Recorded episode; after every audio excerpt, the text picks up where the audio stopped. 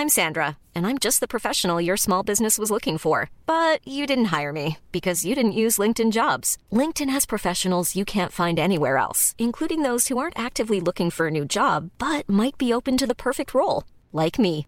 In a given month, over 70% of LinkedIn users don't visit other leading job sites. So if you're not looking on LinkedIn, you'll miss out on great candidates like Sandra. Start hiring professionals like a professional. Post your free job on linkedin.com/people today. There's never been a faster or easier way to start your weight loss journey than with PlushCare.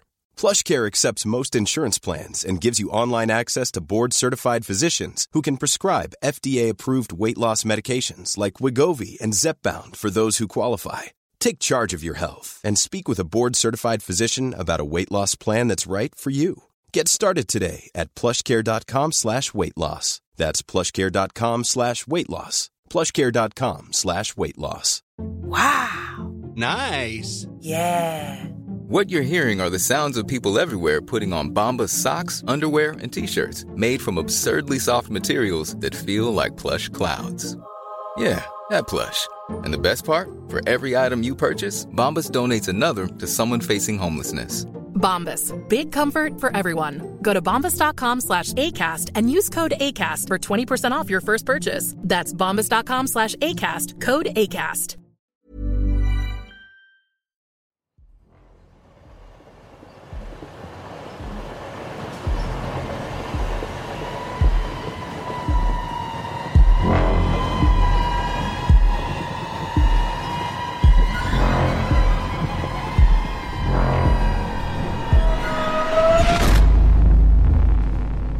Välkommen tillbaka ombord på Midnattståget. En podcast om creepypastor och spökhistorier från internet. Där mörkret är vår destination och varje station är en ny berättelse. Ikväll gör vi bara ett stopp på vår resa. Men det är ett stopp som kommer att skaka om er, tvinga er att ifrågasätta era närmsta och kanske till och med få er att titta lite extra över axeln. Kvällens historia handlar om en man vars fru börjar att bete sig lite konstigt. Att hon i hemlighet börjar titta på honom från bakom hörn och möbler hemma. Dagens berättelse heter “Min fru tjuvtittar på mig bakom möbler och hörn hemma”. Det har gått ifrån att vara konstigt till skrämmande.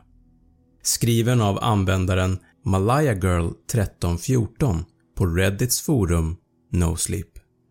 Översatt och uppläst av mig.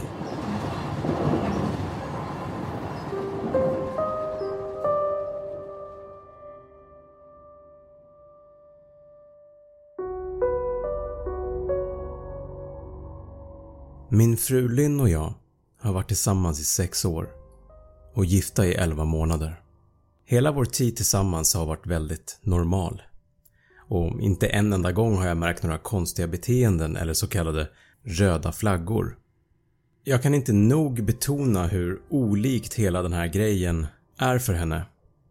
Lynn är väldigt snäll, intelligent och omtänksam. Hon har alltid varit en person som går rakt på sak. Att vara barnslig eller att försöka skrämma mig är inget som hon normalt skulle göra. Hon gillar inte ens att titta på skräckfilmer. När vi först började att dejta så gick hon med på att se The Shining med mig eftersom hon visste hur mycket jag älskade skräck. Hon var så rädd att hon inte ens hann genom halva filmen innan vi var tvungna att stänga av den. Hon är inte på humör för något som är läskigt och har aldrig varit den som skämtar med folk. Det är bara inte hennes grej helt enkelt. Och det är bra. Men det var det som var så konstigt med det här. Det var bara så olikt henne. Jag bör också tillägga att hon har aldrig haft några psykiska problem och så vitt jag vet så finns det inte i hennes familj. Jag vet att vissa människor kan dölja sina psykiska problem men under de sex år vi har varit tillsammans så tror jag att jag skulle sett något slags tecken. För två månader sedan var jag i köket och gjorde mig lite kaffe innan jobbet. Jag hade lite bråttom den morgonen och visste att jag inte skulle hinna till Espresso House för min vanliga morgondos. Jag tog en klunk av mitt kaffe när jag skyndade mig genom hallen mot ytterdörren. Då råkade jag se att Lynn tittade på mig runt hörnet framför mig. Jag kunde bara se hennes ögon och en slinga av hennes långa mörka hår som hängde mot väggen. Resten av hennes kropp var dold bakom hörnet. Jag höll på att spilla ut mitt kaffe när jag såg henne och jag brände skiten ur mina läppar. Vad fan Lynn? sa jag och torkade bort några droppar kaffe från mina byxor. Du skrämde skiten ur mig. Hon drog snabbt bort sitt huvud som ett litet barn som hade blivit ertappat med handen i kakburken. Jag hörde hur hon skyndade sig iväg mot vardagsrummet och när jag kom fram till ytterdörren kunde jag inte se henne längre. Det var väldigt konstigt och väldigt olikt hennes normala beteende som sagt. Men jag tyckte också samtidigt att det var lite roligt att hon var mer lekfull och lite mindre allvarlig. Jag ropade att jag älskade henne och kallade henne för en knäppis. När jag stängde dörren bakom mig hörde jag henne skratta där inne. Hennes beteende var lite märkligt. Men det var ingen idé att förstora upp det. Jag glömde bort det vid lunch och när jag kom hem så var hon som vanligt igen. Jag tog inte upp det och det gjorde inte hon heller. Och livet fortsatte. Nästa incident inträffade tre dagar senare. Det var runt klockan två på natten och jag hade vaknat för att ta mig något att dricka. Jag stod vid köksön med ett glas juice i handen när jag fick en stark känsla av att någon iakttog mig. Av någon anledning tittade jag ner på golvet och såg min frus leende ansikte stirrat tillbaka på mig. Hon tittade på mig från andra sidan köksön. Hon stirrade upp på mig med sina vidöppna, oblinkande ögon och log. Ett leende som den där katten från Alice i Underlandet. Jag skrek till, det kan jag erkänna. Inte av irritation utan av ren rädsla. Av någon anledning blev jag väldigt rädd just då.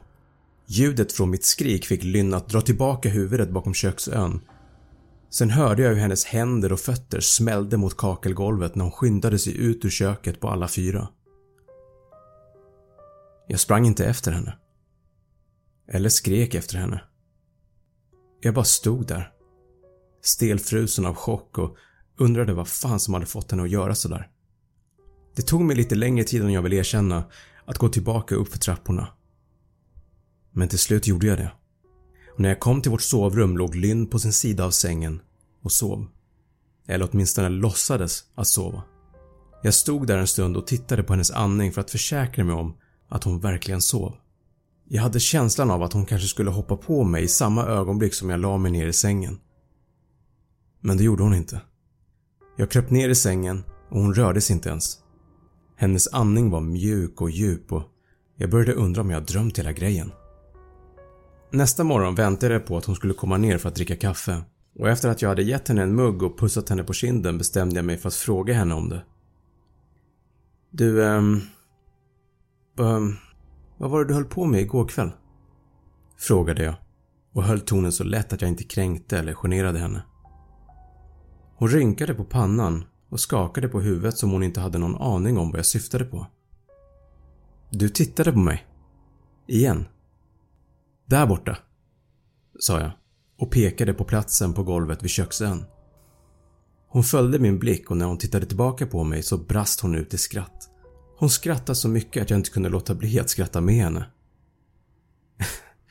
alltså du skrämmer mig ibland. Vet du det? Sa jag. Hon fnittrade och ställde sin kopp på bänken och la armarna om min nacke. Du skrämmer mig hela tiden. Så jag antar att vi är kvitt skämtade hon.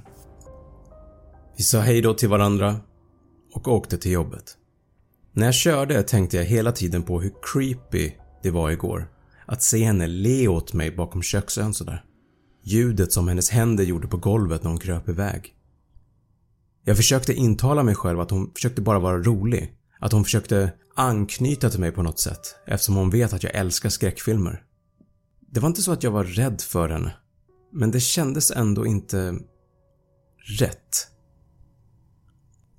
Jag började att se henne smygtitta på mig mer och mer. Ibland kunde hon titta fram bakom soffan eller vardagsrumsgardinerna. En gång lyckades hon till och med ta sig in i en förvaringslåda som står vid fotänden av vår säng. Jag kanske inte ens hade vetat att hon var där överhuvudtaget om det inte vore så att gångjärnen på locket av lådan gnisslade till och avslöjade henne. Hon hade hållit locket uppfällt precis bara sådär lagom så att hälften av hennes ansikte tittade fram. Ett stort flin hade hon på sina läppar. Som en förväntansfull liten unge. Det var obehagligt. Jag visste inte ens vad jag skulle säga till henne. Allt jag kunde göra var att stirra. När jag äntligen hittade min röst frågade jag henne vad hon höll på med egentligen. Men hon svarade inte. Hon bara stängde locket långsamt och var kvar inne i lådan. Jag gick därifrån efter en stund med en obehaglig känsla i magen.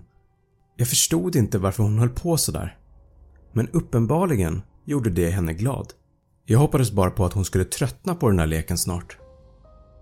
Lynn smygtittade inte på mig på de närmsta två veckorna.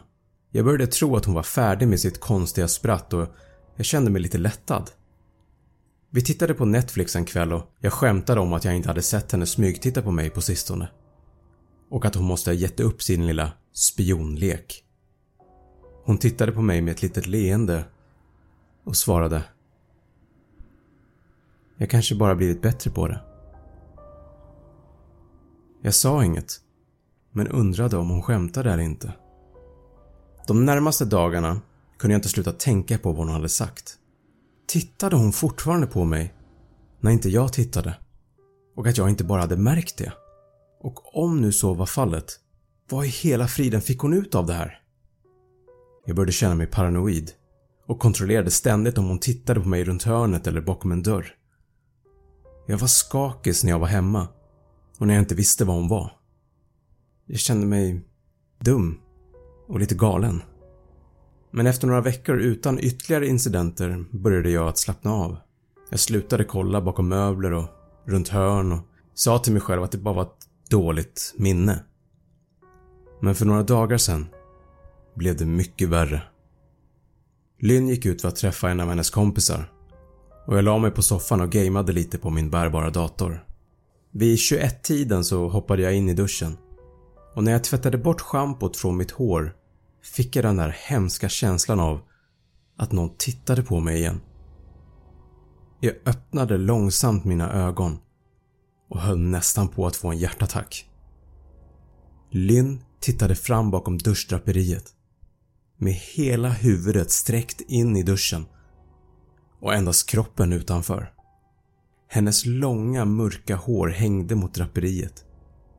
Hennes mun var vidöppen i ett hemskt flin ögonen stora och röda. Som om hon inte hade blinkat på länge.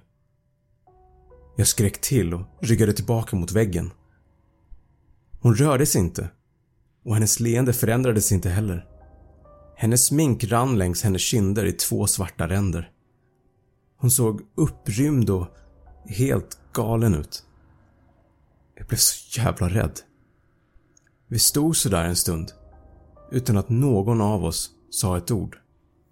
Till slut, efter vad som kändes som en evighet, drog hon långsamt tillbaka huvudet ut ur duschen och jag såg hennes suddiga gestalt bakom draperiet när hon rörde sig ut från badrummet. En sekund senare smällde badrumsdörren igen så hårt att spegeln skakade till. Jag skrek igen och hoppade ut ur duschen för att låsa dörren. Jag stannade inne i badrummet i över en timme. Det kanske låter som att jag överreagerar, men skämt eller inte, jag tänkte inte stå ut med den där galna skiten längre. Det var vad jag upprepade för mig själv när jag gick fram och tillbaka i badrummet. Då och då stannade jag till vid dörren och lyssnade efter henne. Plötsligt hörde jag ett svagt ljud utanför badrummet och jag tryckte mitt öra mot badrumsdörren för att höra vad det var. Jag kunde inte höra någonting men jag föreställde mig Lynn som stod på andra sidan dörren och fnittrade åt sitt skämt. Jag kände en våg av ilska inom mig. Jag var mer än förbannad över att bli rädd i mitt eget hus och tvingas gömma mig i badrummet i en timme. Och för vad då? Ett skämt? Om det var ett skämt så var det inte roligt. Vad fan Lynn? Fräste jag.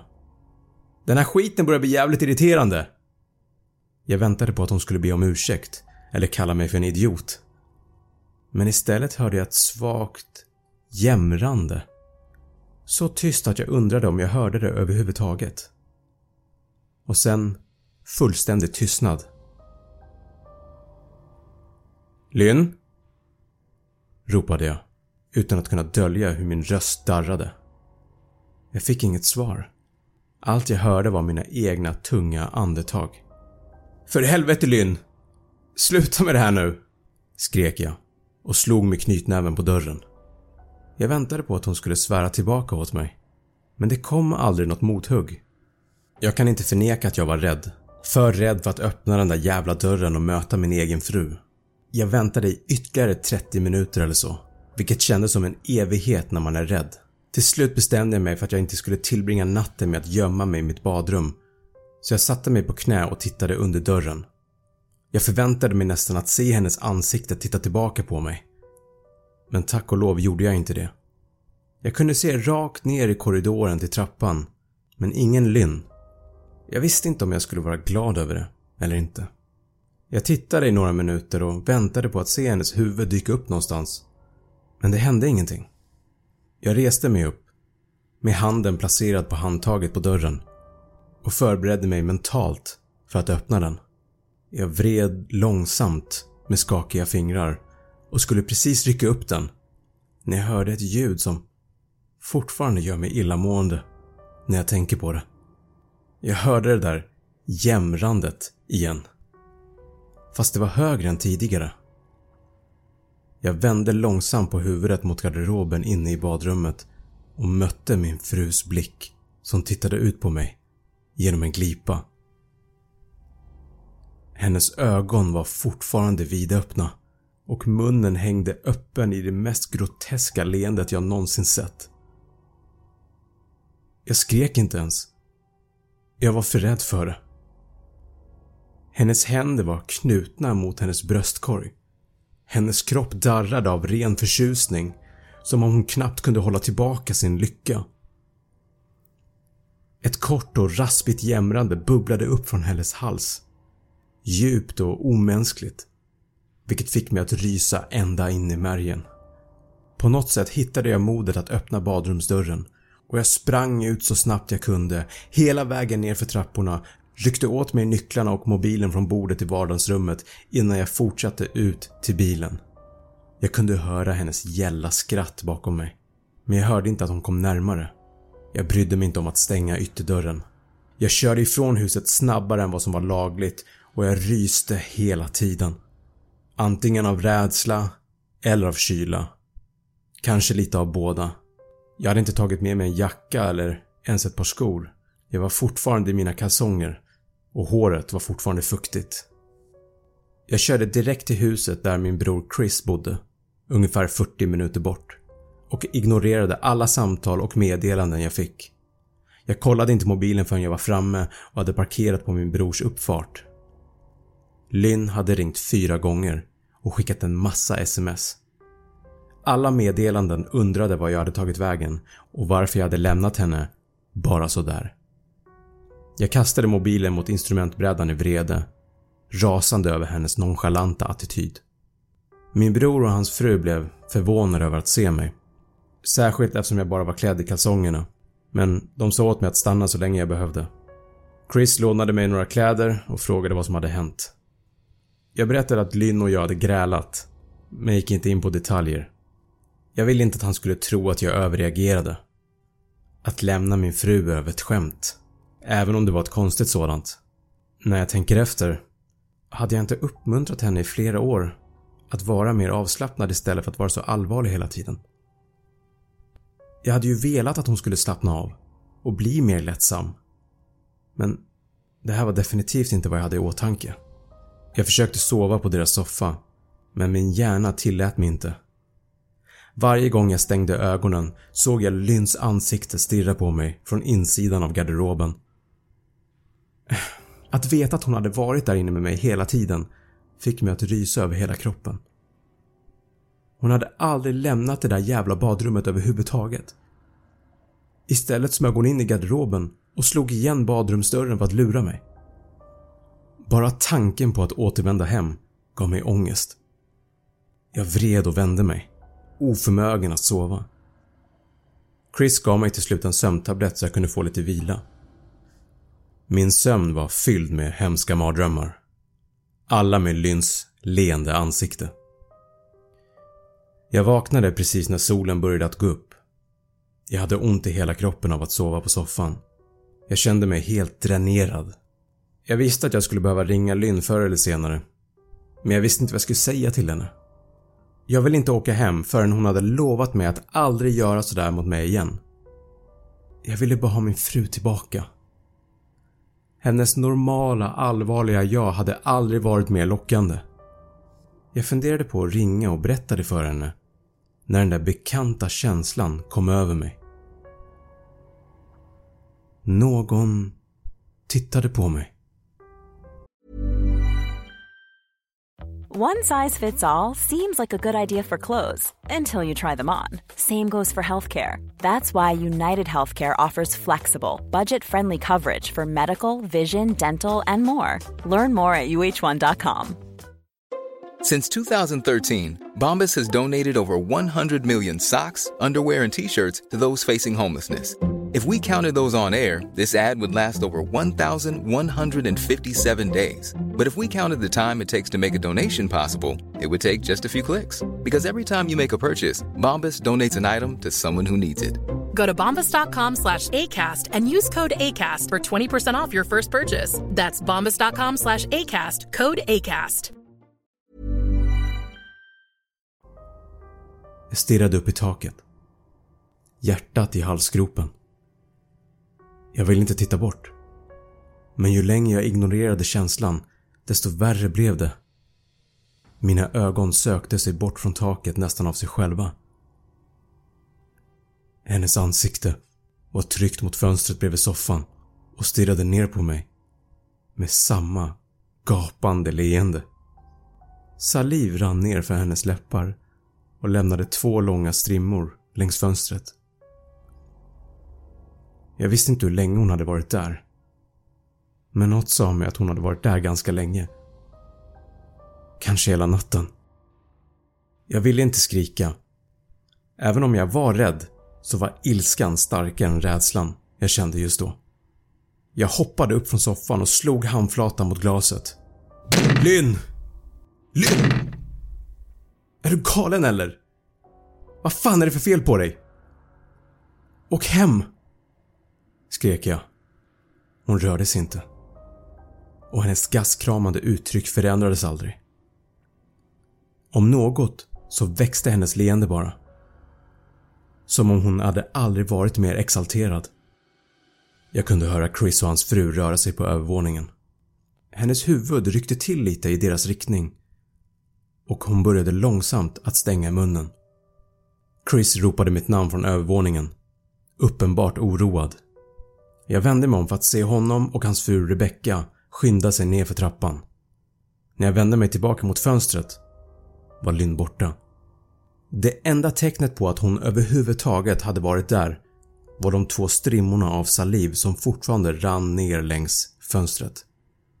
Jag försökte förklara för Chris och Rebecca att jag hade vaknat av att se Lynn titta på mig genom deras fönster. De var skeptiska. Vem skulle inte vara det? Chris och jag gick ut till platsen framför fönstret. Men det fanns inga fotspår på marken. Bara en svag fördjupning. Antagligen ett djur, gissade Chris. Och jag invände inte. Han och Rebecca antog att jag bara hade drömt hela händelsen. Men de förstod inte. Och jag var för trött för att förklara allting för dem. Jag tog ledigt från jobbet den dagen och stängde av mobilen. Jag ville inte träffa Lynn.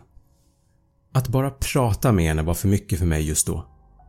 Jag började verkligen tro att något var fel med henne. Något som inte gick att fixa. Att det aldrig skulle bli normalt igen.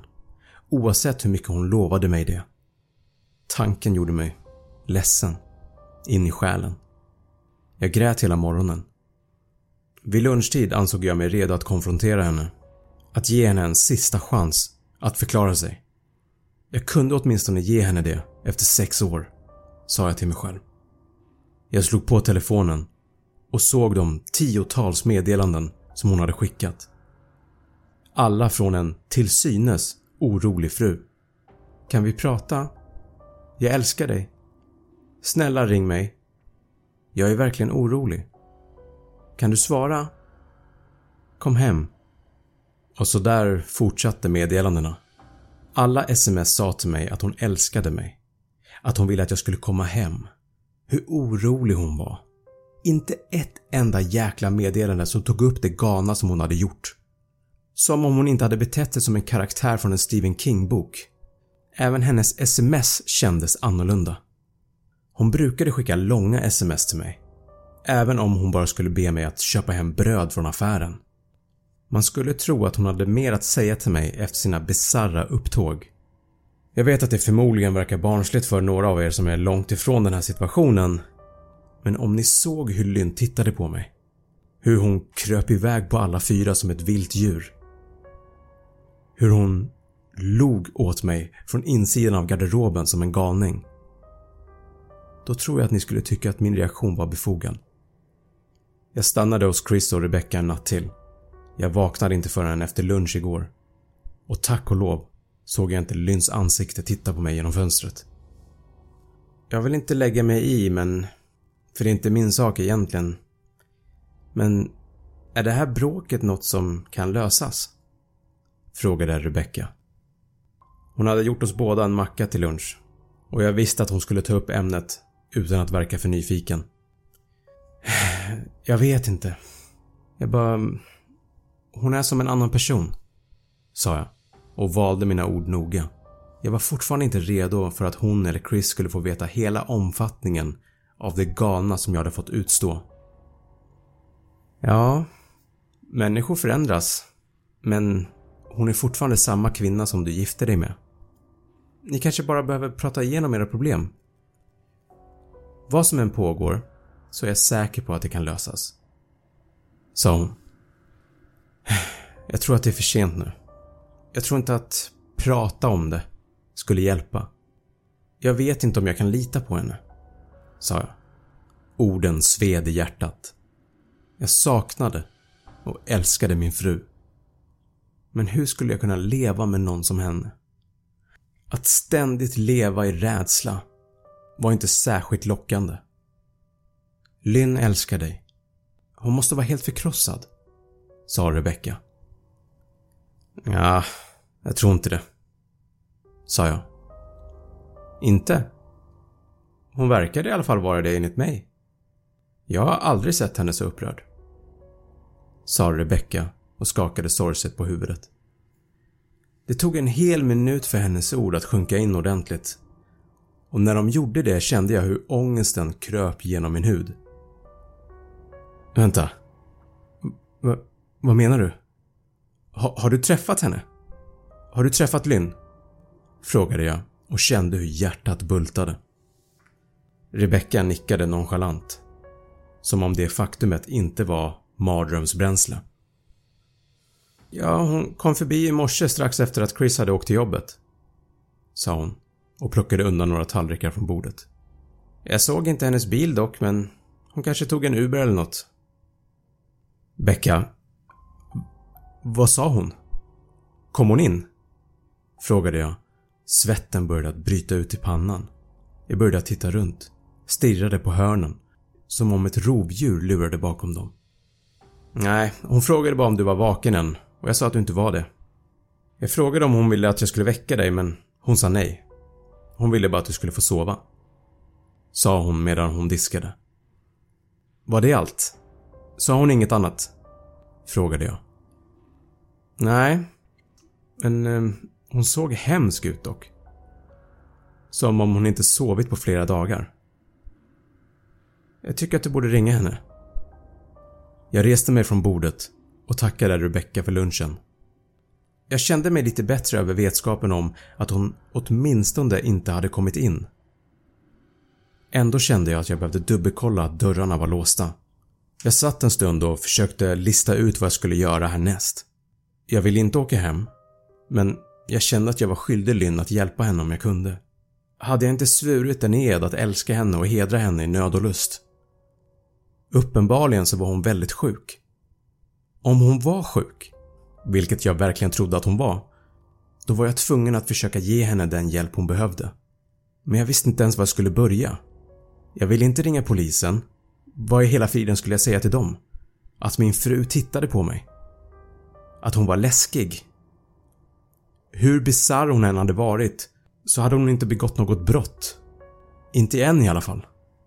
Polisen skulle förmodligen säga att jag överreagerade. Men det här var inte något skämt. Det kändes fel. Farligt till och med. Som om något ondskefullt gömde sig bakom hennes leende. Om jag bara förklarade allting för polisen så kanske... Kanske hon skulle bli inlagd på psyket och få hjälp. Men tänk om hon bara agerade normalt i deras närvaro. De skulle aldrig tro mig.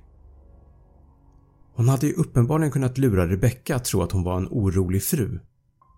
Så länge läkarna inte ansåg henne att vara en fara för sig själv eller andra skulle de inte ha något val än att släppa ut henne efter 72 timmar. Om de ens hade trott på mig. Jag kände mig helt vilsen och helt slut. Så jag gjorde det som vilken make som helst hade gjort i min situation. Jag ringde hennes mamma. Jag ville inte göra det. Tro mig. Hennes mamma Marianne och jag hade aldrig haft en bra relation. Vi hade aldrig bråkat eller något sånt men hon var bara inte en särskilt varm person och inte särskilt lätt att komma överens med. Hon log nästan aldrig och när hon gjorde det så rörde sig bara hennes läppar i ett tunt leende. Medan hennes ögon var lika tomma som innan. Hon gav ifrån sig en aura som kändes som att hon ständigt var redo att attackera. Jag hade bara träffat henne två gånger och båda gångerna så var det korta besök.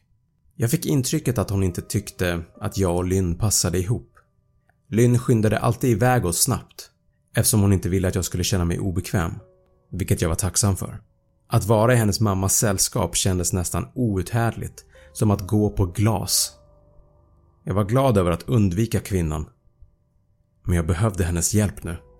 Jag ville verkligen inte prata med henne överhuvudtaget men jag var tvungen att prata med någon och någon som kände Lynn bättre än jag gjorde. Så jag bet ihop och gjorde vad jag var tvungen att göra.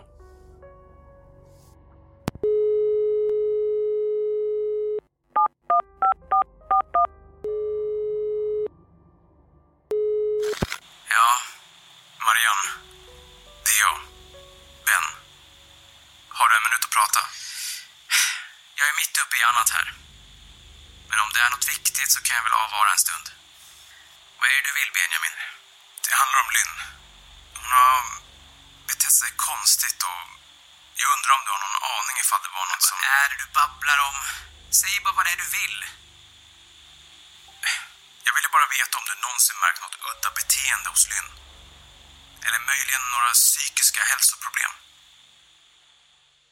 Det blev en lång, obekväm paus som jag inte kunde avgöra om det berodde på att hon tänkte eller något annat. Jag vet inte om det här är ett av dina skämt. Men om det är det så ser jag inte vad som är så roligt. Nu har jag som sagt andra saker att sköta. Så om du tar något emot... Marianne, vänta, vänta, vänta, vänta. Det är inte ett skämt. Jag är på riktigt orolig för Lynns psykiska hälsa. Hennes beteende har varit väldigt märkligt på sistone. Jag är väldigt orolig för henne. Och jag tänkte att som hennes mamma så borde du också vara det. Om du verkligen är så orolig så föreslår jag att du kontaktar sjukvården. Jag vet inte vad du förväntar dig att jag ska göra. Jag hörde hon var sekunder från att lägga på luren och av någon anledning var jag desperat nog att inte låta henne göra det. Jag hade känslan av att hon visste mycket mer än vad hon berättade för mig.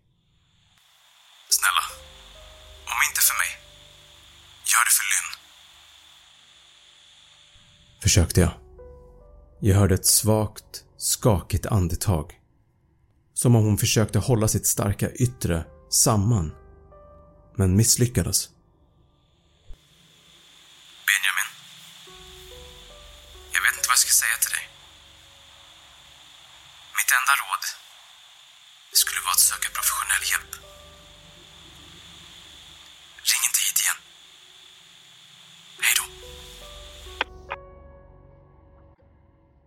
Jag försökte förstå samtalet och hennes totala vägran att hjälpa mig.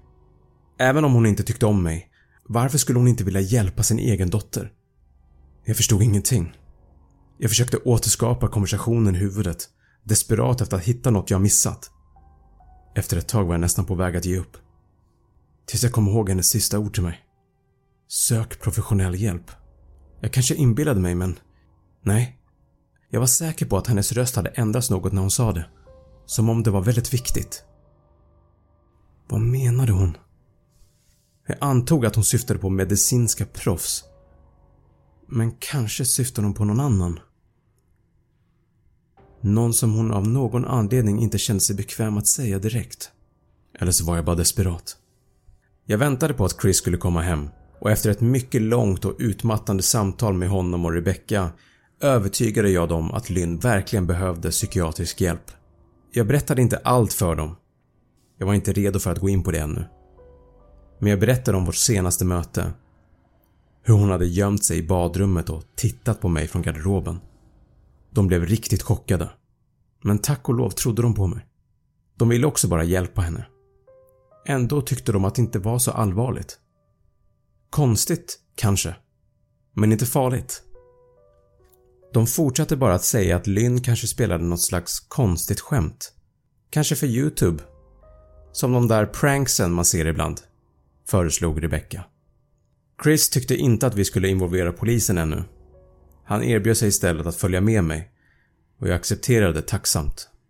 Han ansåg att det bästa sättet att hantera situationen var att lugnt prata med henne och försöka övertala henne att gå med frivilligt och få hjälp.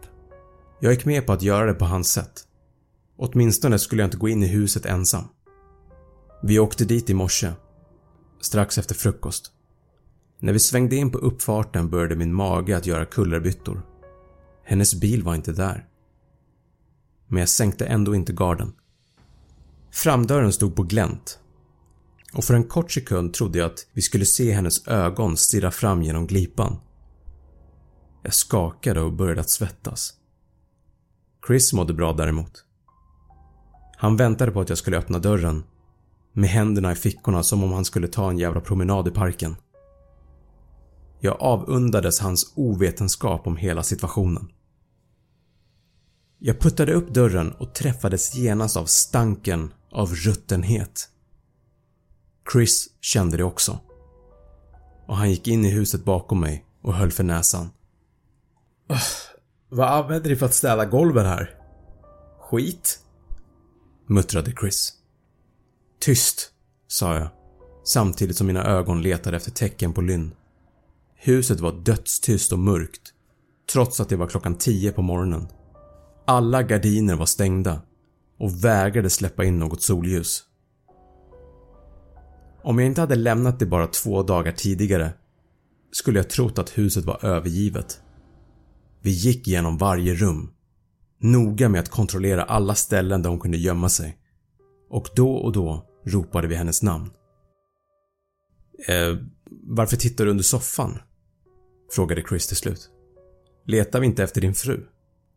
Han kollade på mig som jag var en idiot. Vi går upp på övervåningen. Viskade jag. Han skakade på huvudet men följde mig upp för trappan för att kolla badrummet. På vägen upp knastrade mina skor över bitar av glas som verkade ligga över några av stegen. Jag märkte att ett av bröllopsfotona på mig och Lynn som hängde på väggen längs trappan hade krossats. Ramen hängde snett och allt glas var borta. Jag stirrade på bilden. En klump bildades i min hals. Vi hade tagit fotot precis efter att ha lämnat kyrkan. Efter att vi sagt våra löften. Hon såg så vacker ut i sin vita klänning. Jag tittade på Lynns vackra ansikte. Jag hade aldrig kunnat föreställa mig att hennes ansikte någonsin skulle bli en källa till skräck för mig. Vi gick upp för resten av trapporna och kollade sovrummet. Men det såg helt orört ut. Jag tvekade på att gå in i badrummet min rädsla från den natten kom tillbaka till mig på en gång. Chris märkte det och erbjöd sig att gå in själv. Men jag kunde inte låta honom göra det. Så vi gick in tillsammans, kollade garderoben och duschen. Badrummet såg ut som att det inte hade rört sedan natten jag lämnade. Ja, jag tror inte att hon är här. Packa ner lite kläder istället så kommer vi tillbaka imorgon eller något. sa Chris. Jag nickade och gick in i vårt sovrum och stoppade in några kläder i en gymväska. När jag kollade in i vår garderob hittade jag källan till lukten och kräktes nästan. Chris tog en titt och förlorade all färg i ansiktet.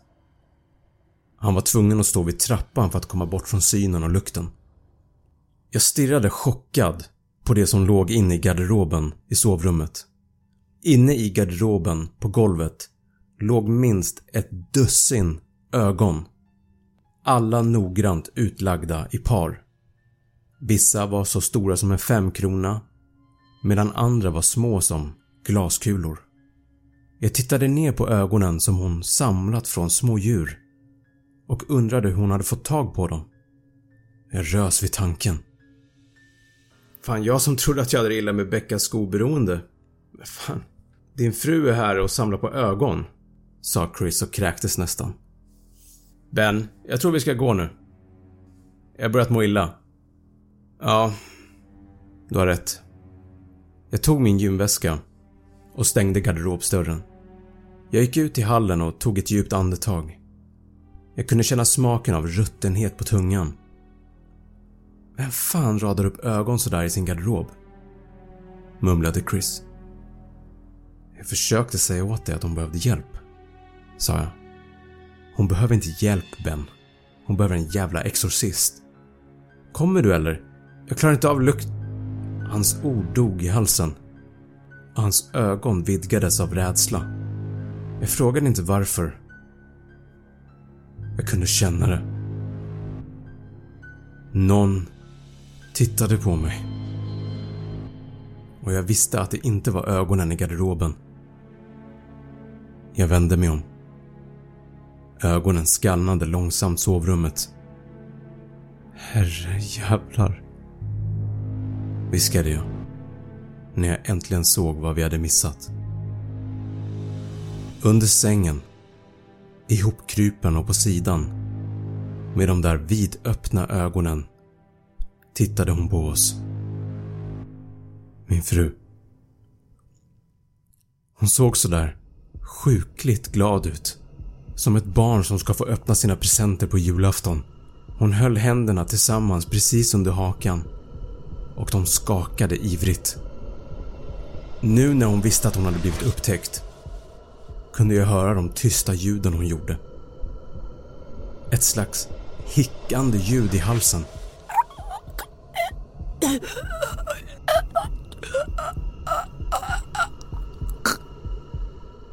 Som att hon inte kunde kontrollera sin lycka inför det här. Stora ögon och samma stora leende. Allt inom mig sa åt mig att springa. Men jag tvingade bort de tankarna. Det här var min fru. Oavsett hur förvrängd och sjuk var hon fortfarande kvinnan jag gifte mig med. Jag var tvungen att hjälpa henne. Lynn, sa jag mjukt. Hon svarade inte. Men hennes huvud nickade fram och tillbaka i två snabba små rörelser. Som om hon förstod mig. Älskling. Jag vill bara hjälpa dig. Okej? Okay? Kan du låta mig göra det? Frågade jag. Jag hade tagit ett steg framåt och närmade mig henne långsamt. Precis som att hon var något slags farligt djur. Jag älskar dig Lynn, sa jag mjukt och tog ytterligare ett steg närmare.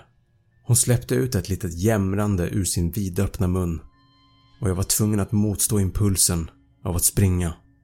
Hennes axlar började darra och hennes ögon blev stora som tefat. Jag hukade mig så jag kunde se henne bättre och såg omedelbart blodet.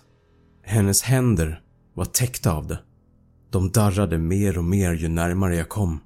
Som om hon knappt kunde behärska sig. Lynn? Är du skadad? Du blöder? Sa jag.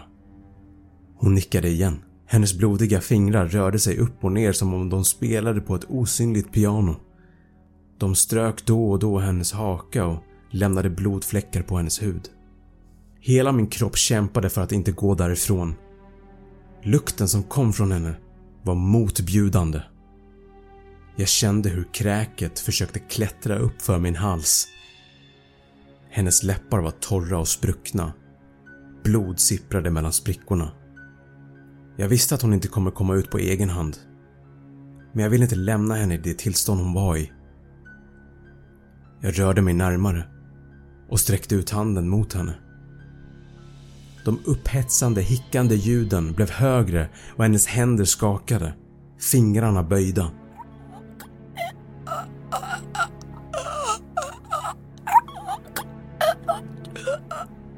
Det var då jag kunde se blodet rinna ut mellan hennes fingrar. Herregud Lynn, du blöder ju. Instinktivt räckte jag ut handen, men innan jag ens hann röra vid henne flög hennes hand ut mot mig. En skarp smärta sköt genom min arm och jag föll bakåt på golvet.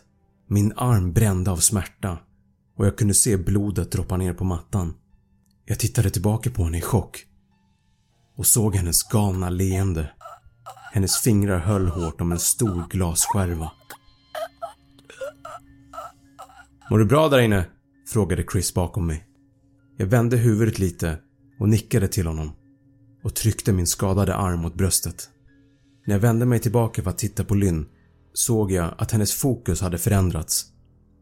Hon tittade inte på mig längre och hennes leende var borta. Hon tittade förbi mig, hennes ögon fästa på Chris som ett hungrigt lejon. Hennes mun hängde fortfarande öppen. Jag reste mig, började backa ut för rummet och ner för korridoren, rädd för att släppa henne med blicken. “Blöder du?” frågade Chris. I samma ögonblick som orden lämnade hans mun började Lynn att snabbt skutta ut från under sängen. Glasskärvan fortfarande i hennes knytnäve. “Chris, spring!” Han måste ha varit för rädd för att röra sig, för en sekund senare kände jag hur min rygg stötte i honom. Han stod fortfarande överst på trappan och stirrade på skräcken som var min fru. Lynn hade krypit ut helt nu från undersängen och stod i sovrumsdörren. Hennes ansikte förvridet av ilska. Blodet rann längs hennes fingrar och ut på golvet. “Herregud, Lynn” sa Chris. Jag räckte mig bakåt och knuffade honom mot trappstegen. “Rör på dig Chris” Lynns huvud nickade upp och ner med ryckiga rörelser och hon började le. Munnen öppnade sig bredare och bredare så att hennes haka nästan nuddade bröstkorgen. Jag hörde Chris mumla en bön och sen sprang han ner för trapporna. Jag stod överst på trappan. Två känslor drog i mig samtidigt. Kärleken till en kvinna som tydligt behövde allvarlig hjälp och en stark vilja att fly. “Jag vill bara hjälpa dig” sa jag och svalde tårarna. Hennes ögon fokuserade på mig igen när hon långsamt lyfte glasskärvan och höll den framför sig. Sen började hon att springa mot mig, fortfarande med ansiktet i det där förvridna leendet. Tack och lov tog min kropp över och jag flög ner för trapporna och hoppade över två eller tre steg åt gången. Jag hann fram till ytterdörren innan jag kände hur hon hoppade upp på min rygg, slog armarna runt halsen på mig. Hennes öppna mun var precis bredvid mitt öra och jag kunde höra de där hemska, hickande ljuden på nära håll. Jag skakade av mig henne och hennes kropp föll ner i golvet. Jag kände en brännande smärta i ryggen när hon föll. Men jag slet upp ytterdörren och rusade mot min bil. Chris stod på framsidan och pratade i telefon med polisen. Jag sa inget. Jag sprang bara till min bil och hoppade in. Chris följde efter mig, fortfarande med telefonen mot örat. Jag tittade i backspegeln, säker på att jag skulle se henne där, springande efter oss. Men jag såg henne inte.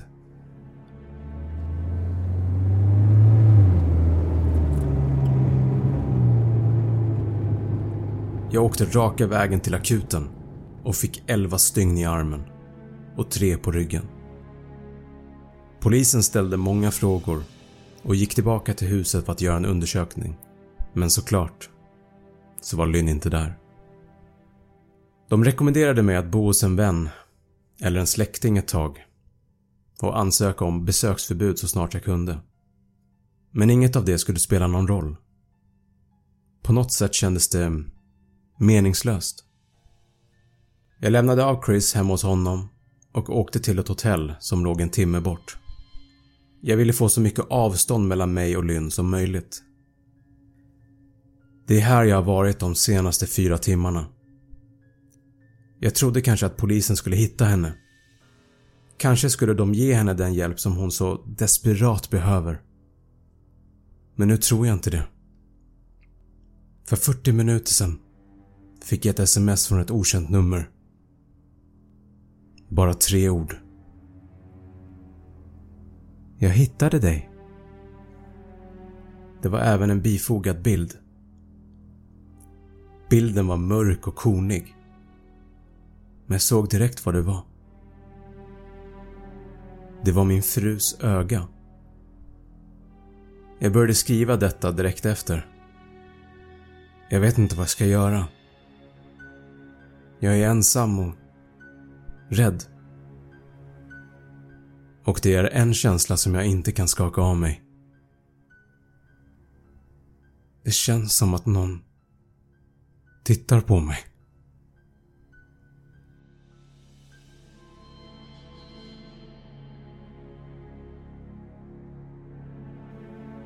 Och där nådde vi slutstationen för den här gången. Jag hoppas vi ses igen nästa vecka ombord på midnattståget. Men om väntan blir allt för lång kan du alltid lyssna på alla avsnitt direkt via podplay.se eller i appen. Tack för att du åkte med oss och glöm inte att titta över axeln en sista gång innan du går och lägger dig. Man vet aldrig vem som tittar. Tack för att du har lyssnat.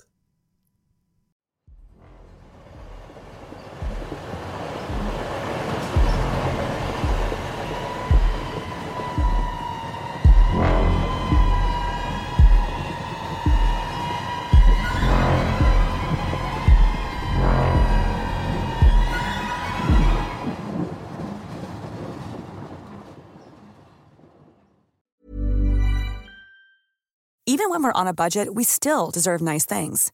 Quince is a place to scoop up stunning high-end goods for 50 to 80% less than similar brands. They have buttery soft cashmere sweaters starting at $50, luxurious Italian leather bags, and so much more. Plus, Quince only works with factories that use safe, ethical, and responsible manufacturing. Get the high-end goods you'll love without the high price tag with Quince. Go to quince.com/style for free shipping and 365-day returns.